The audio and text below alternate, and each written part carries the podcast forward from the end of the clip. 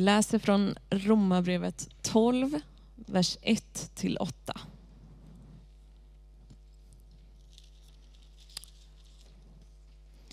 I Romarbrevet 12, vers 1 till 8 står det. Därför ber jag er bröder, vid Guds barmhärtighet, att frambära er själva som ett levande och heligt offer som behagar Gud.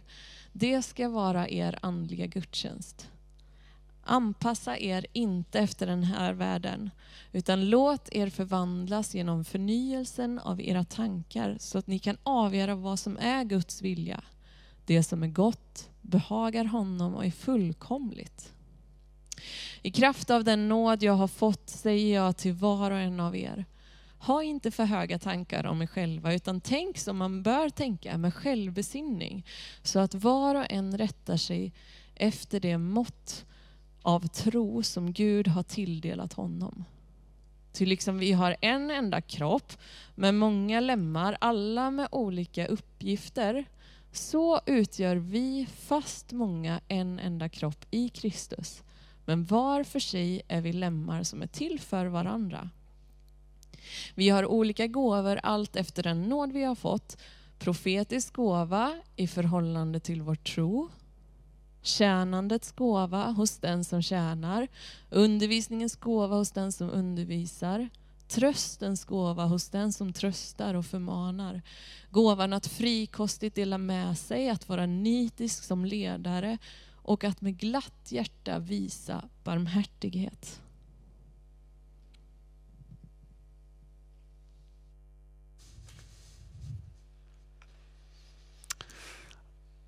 Alla har vi fått gåvor att använda. Alla har vi fått gåvor för att använda för att sprida Guds rike och det han vill, det han längtar efter i den här världen och bland våra vänner och i vår församling. Mm. Det är fantastiskt. Det är jätte, jätte, jättebra. Det ska vi vara väldigt glada för. Men vi behöver inte gåvorna som sagt för att äga livet. Allt det vi behöver har vi i relationen till Jesus redan. Så vi är inte beroende av de här gåvorna för att få det där som vi verkligen längtar efter. Livet, det har vi redan i relationen med Jesus Kristus. Och det är ännu bättre än gåvorna. Så den som tänker, mm, jag har inte tungotalet och därför kanske jag inte äger livet. Den kan sluta upp att avskriva sig själv och liksom räkna ut sig själv i den här ekvationen och säga att jag duger inte till. Det är inte så det funkar. Även om inte du har tungotalet, även om du inte skulle ha en enda gåva, så skulle du ändå kunna äga livet. Du skulle ändå kunna få vara med i matchen. Jesus är allt du behöver. Så eh, det är bra. Ni vet, intimiteten och närheten och livet. Det där som betyder någonting för oss. Verkligen, verkligen har evigt värde för oss. Det har vi i relationen till Jesus.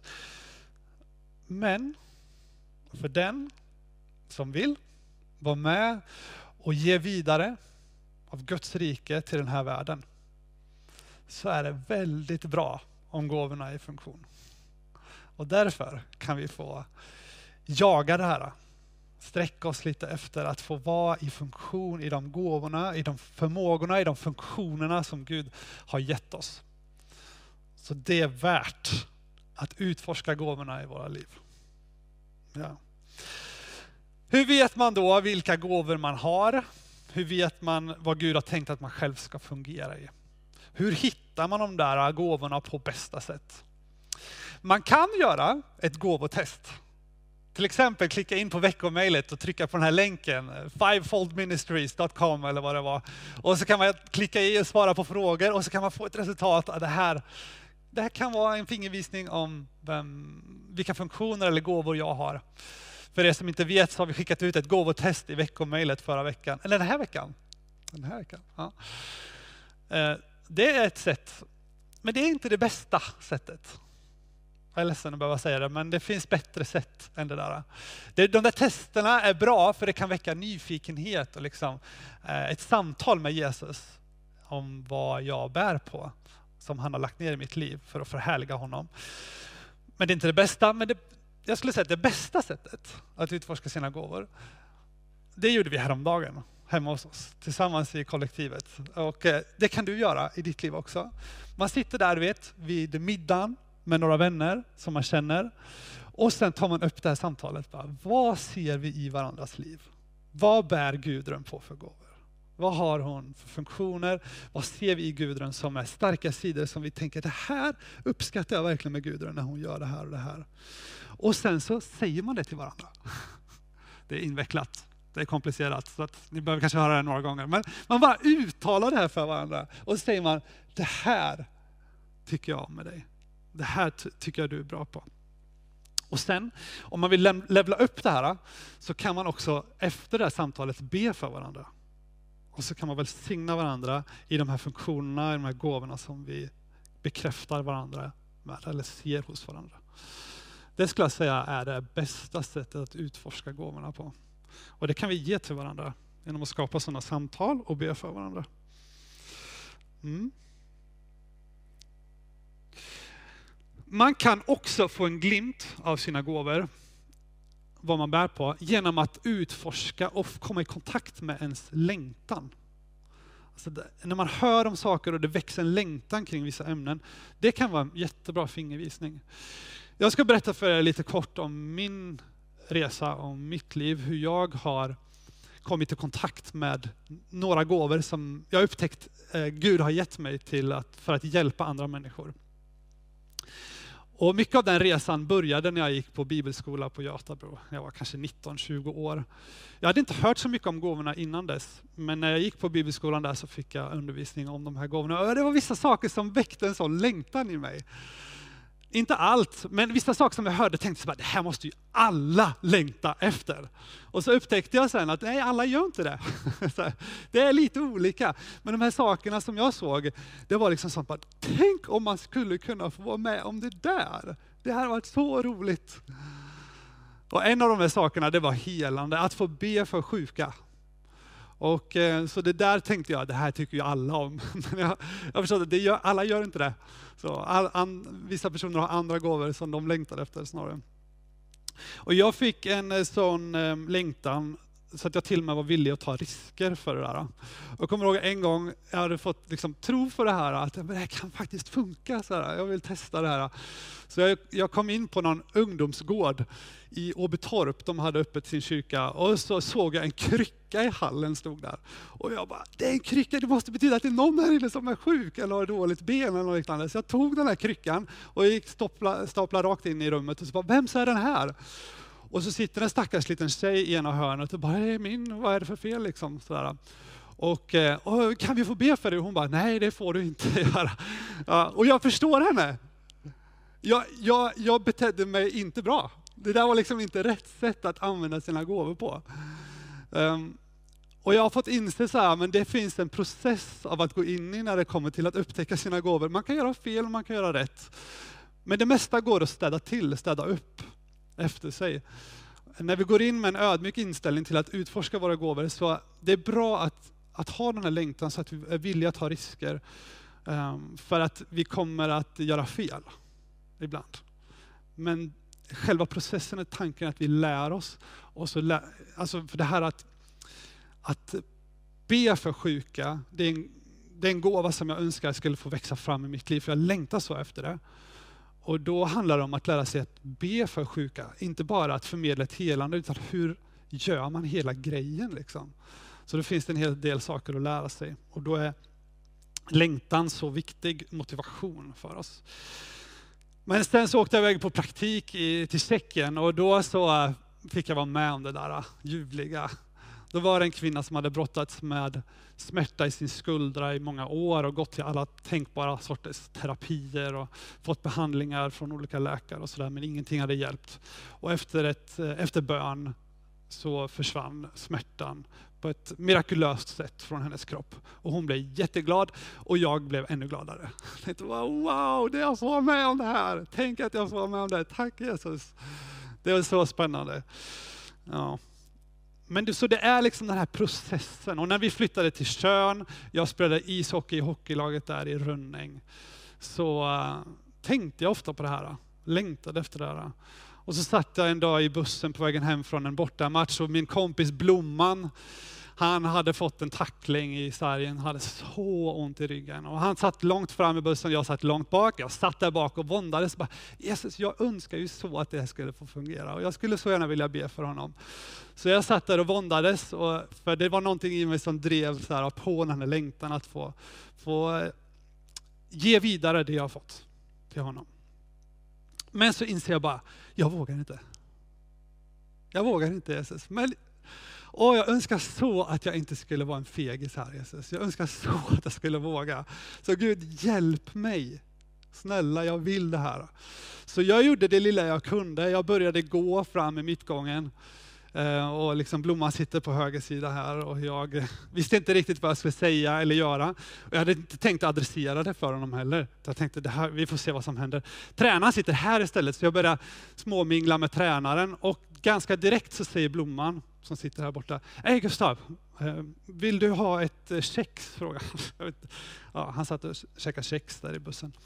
Och sen fråga nummer två, du Gustav, kan du hela mig? Han visste att jag var kristen, men vi hade aldrig pratat om de här grejerna tidigare. Om att jag gärna ber för sjuka eller sådär. Utan, så jag ser det verkligen som att Gud, han bara, jag tar de, få steg, eller de små steg jag klarar av, i mod, i rätt riktning, och sen så får Gud liksom hjälpa mig i den sista knuffen. Så jag ber, eh, jag, jag säger det, nej jag kan inte hela dig, men jag tror att Jesus kan hela dig. Jag skulle gärna be för dig, vill jag att jag ber för dig här och nu? Och då säger han, nej det vill jag inte, det känns lite lite pinsamt gentemot alla andra här. Ja, men då ber jag när jag kommer hem istället. Och Blomman han trodde att han skulle vara sjukskriven i ett par veckor efter den här tacklingen, men kunde gå till jobbet dagen efter.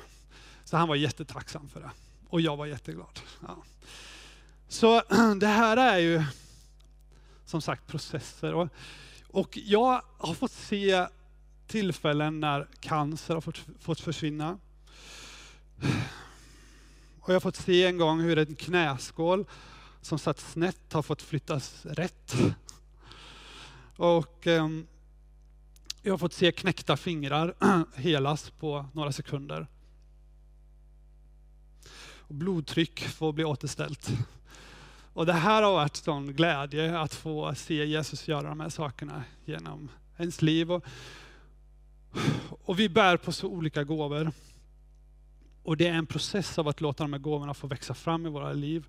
Och att liksom få tränas i det där, finslipas och låta det få ta uttryck i våra liv på ett fantastiskt sätt. Vi behöver lära oss, som när jag är i kryckan där, liksom, hitta den här kryckan, att man får göra det på ett visst sätt. Det finns ett smart sätt och så finns det sämre sätt. Och man hittar till slut vägar fram för att göra det på ett bra sätt. Det är fantastiskt för en människa att få vara i funktion i sina gåvor. Det som du längtar efter och det som ligger på ditt hjärta, som är naturligt för dig, det är fantastiskt för dig att få vara i funktion i det. Det är ljuvligt. Och det finns som vi sagt här en otrolig mångfald i hur Guds ande tar sig uttryck i våra liv.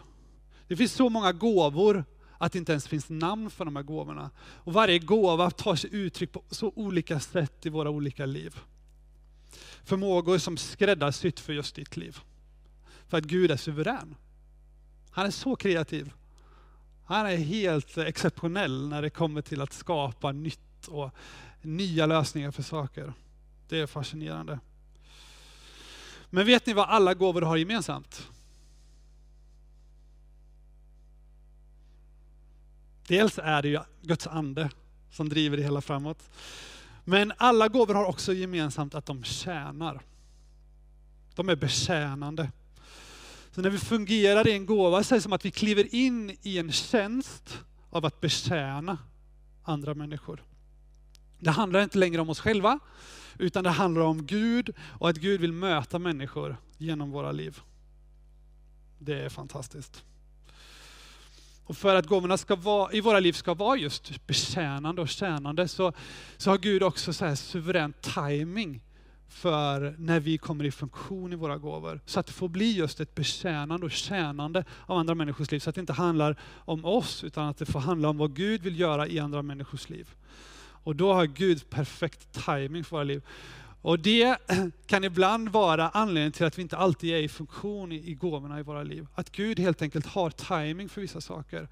Vissa saker får ligga vilande vissa perioder och så kickar han igång saker andra säsonger för att det ska vara till, för att tjäna och betjäna andra.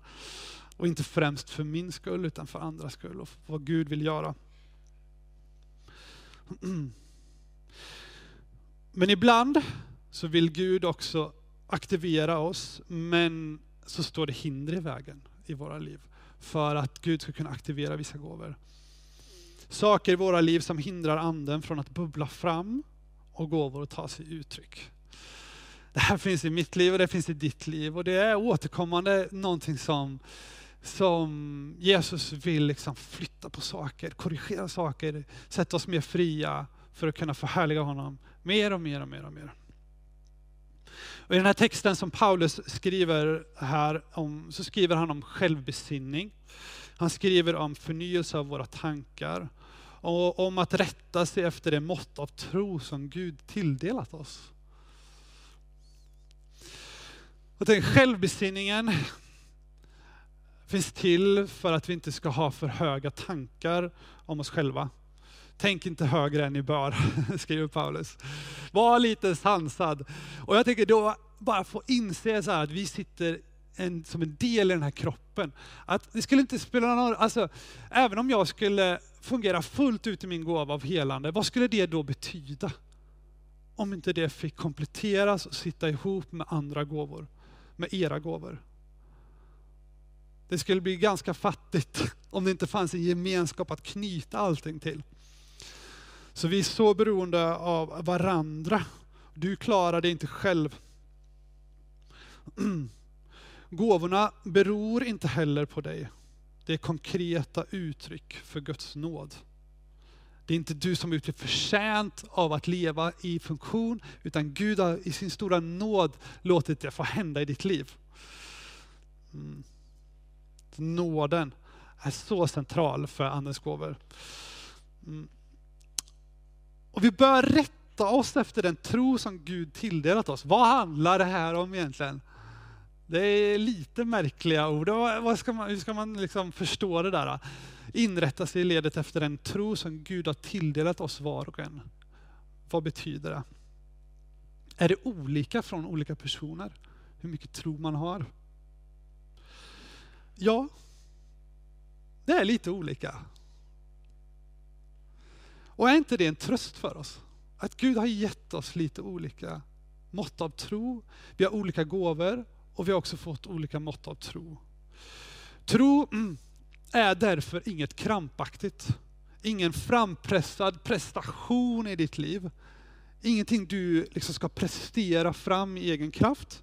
Utan det är helt enkelt en gåva ifrån Gud och det ser lite olika ut i våra liv. Men det är väldigt vilsamt och väldigt trösterikt att det är just en gåva ifrån Gud. Det är vackert att vi är olika. Därför behöver vi heller inte känna oss dåliga om vi har mer eller mindre tro än någon annan. Det är en gåva från Gud och det beror inte på din prestation. Hör du mig? Nej, men det är viktigt. Det beror inte på din prestation. Det är en gåva ifrån Gud. En gåva ifrån Gud. Mm. Så istället så handlar det här om att det handlar om vad jag gör med den, det stora eller lilla mått av tro som jag har fått. Hur förvaltar jag den, det mått av tro som Gud har gett mig? Tar jag den tron och litar på Gud, använder den tron för att liksom luta mig mot Gud och lita på honom i det han har anförtrott mig. Eller lägger jag den åt sidan. Det spelar ingen roll om du har tro som det här rummet, om vi inte använder oss av den. Men däremot om du har tro som ett senapskorn och använder dig av det, då kan du förflytta ett helt berg. Så det har mycket mer med det att göra. Vad gör vi av det vi har fått? Än hur mycket har du? Mm. Och samtidigt så kan vi alltid be Gud om mer tro. Det är inte så att han har bestämt om dig, du får bara så här och du kan inte få mer än det. Liksom. Utan han vill alltid kunna ge oss mer. Vi, kan, vi får alltid tillträde till honom och säga, Jesus kan du ge mig mer tro? Jag skulle behöva mer tro för den här situationen, kan du ge mig det? Jag behöver det. Mm. Det här med Andens gåvor, nådegåvorna och att tron är en gåva ifrån Gud. Det är lite svårsmält för oss. Det är svårsmält för oss att vi får saker gratis som vi egentligen inte har tjänat ihop till.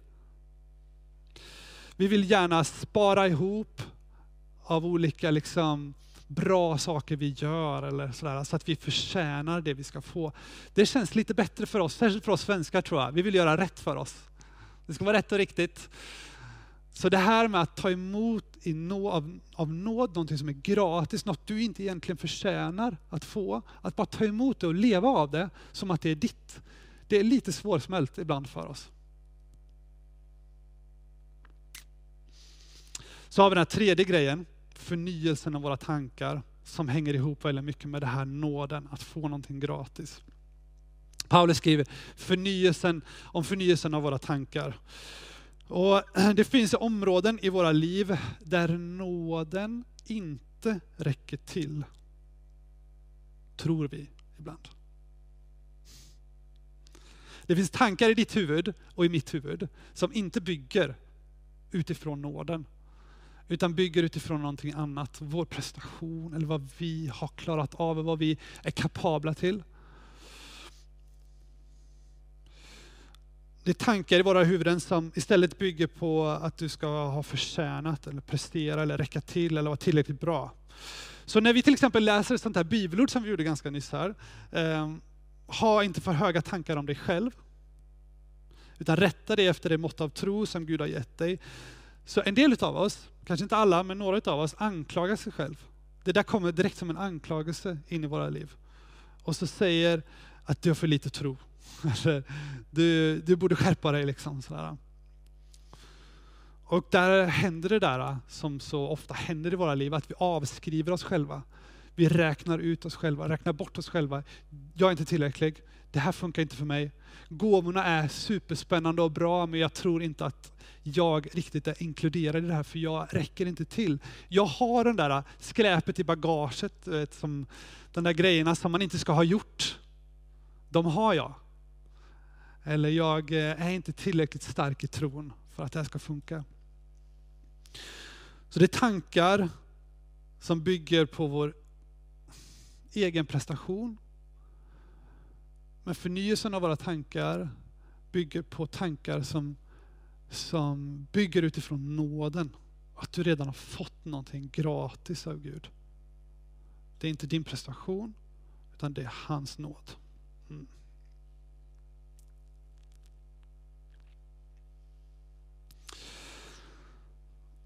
Så för dig som tänker så här, gåvorna låter ju skithäftigt, jätteroligt, superspännande säkert. För andra. Men jag tror inte så mycket om mig själv, att det här skulle funka. Nej, det är väl bra att du inte tror så mycket om dig själv kanske, men tro mycket om Gud. Tro mycket om Gud i ditt liv. Nåden som han har gett dig. Tro mycket om den nåden som han har gett dig i ditt liv. Tro högt om den. Mm. Mm. Så avslutningsvis så skulle jag vilja säga det att du kanske, du, alltså vi har våra lik i våra garderober. Alltså det, I vår historia så finns det saker som man tänker så här, det här borde jag inte ha gjort. Eller eh, de här sakerna, jag, jag, borde leverera lite högre på det här området. Jag, jag skulle ha skött mina kort, spelat mina kort bättre som, som småbarnsförälder. Jag borde ha gjort det där bättre, jag borde ha dratt med mina barn till kyrkan, eller jag borde ha haft det där och det där och det där. Och därför berättigas jag inte till att kunna vara i funktion. Eller, jag, har, jag, jag har säkert de här gåvorna, men, men jag känner mig inte värdig nog att få vara i funktion. Vem är jag? Och jag vet, du kanske känner viss skam över att du inte fick till det så bra som du tänkte, att, eller förväntas av dig. Men Guds ande vill fylla dig. Guds ande vill fylla dig och det beror inte på din förträfflighet utan på Guds nåd. Ja. Så det finns en återkommande bild i Bibeln som talar om Guds ande som vatten. Och eh, I Hesekiel, det är en sån här eh, skön profet i Gamla Testamentet som skriver om templet och hur vattnet rinner ut ifrån templet och skapar liv till och med i ett dött hav. Så där det inte finns fiskar eller något liv tidigare, där kommer det ett levande vatten ifrån Guds tempel i Israel, i Jerusalem, och rinner ut och skapar liv vart den kommer fram. Till och med gör det döda vattnet, havet, friskt, så att där kan det vara liv igen.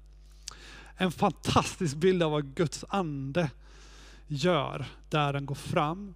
Och det judiska folket trodde att det här var en plats som var bara avskild för, det var bara templet som var den här platsen. Men så kommer Jesus in i bilden och så säger han, Guds ande, den ska inte bara bo i templet, utan Guds ande ska från och med nu bo i ditt liv.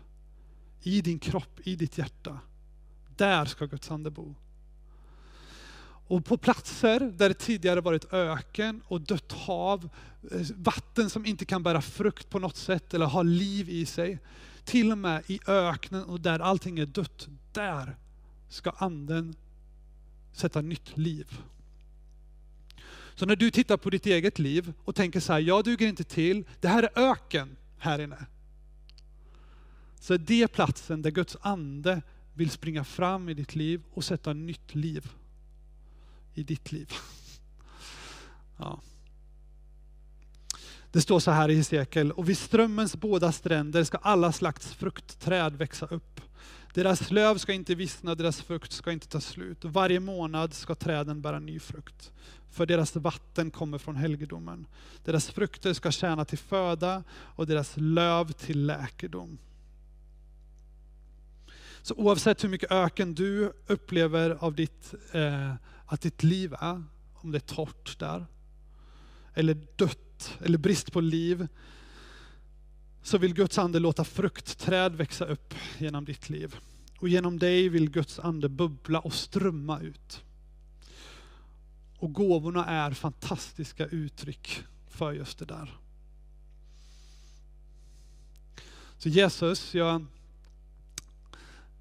du ser vad jag har stått och pratat och pratat om här, men jag vet Jesus att det finns någonting i det här som verkligen är på ditt hjärta Jesus. Och jag ber så att du skulle få ge oss det som du längtar efter.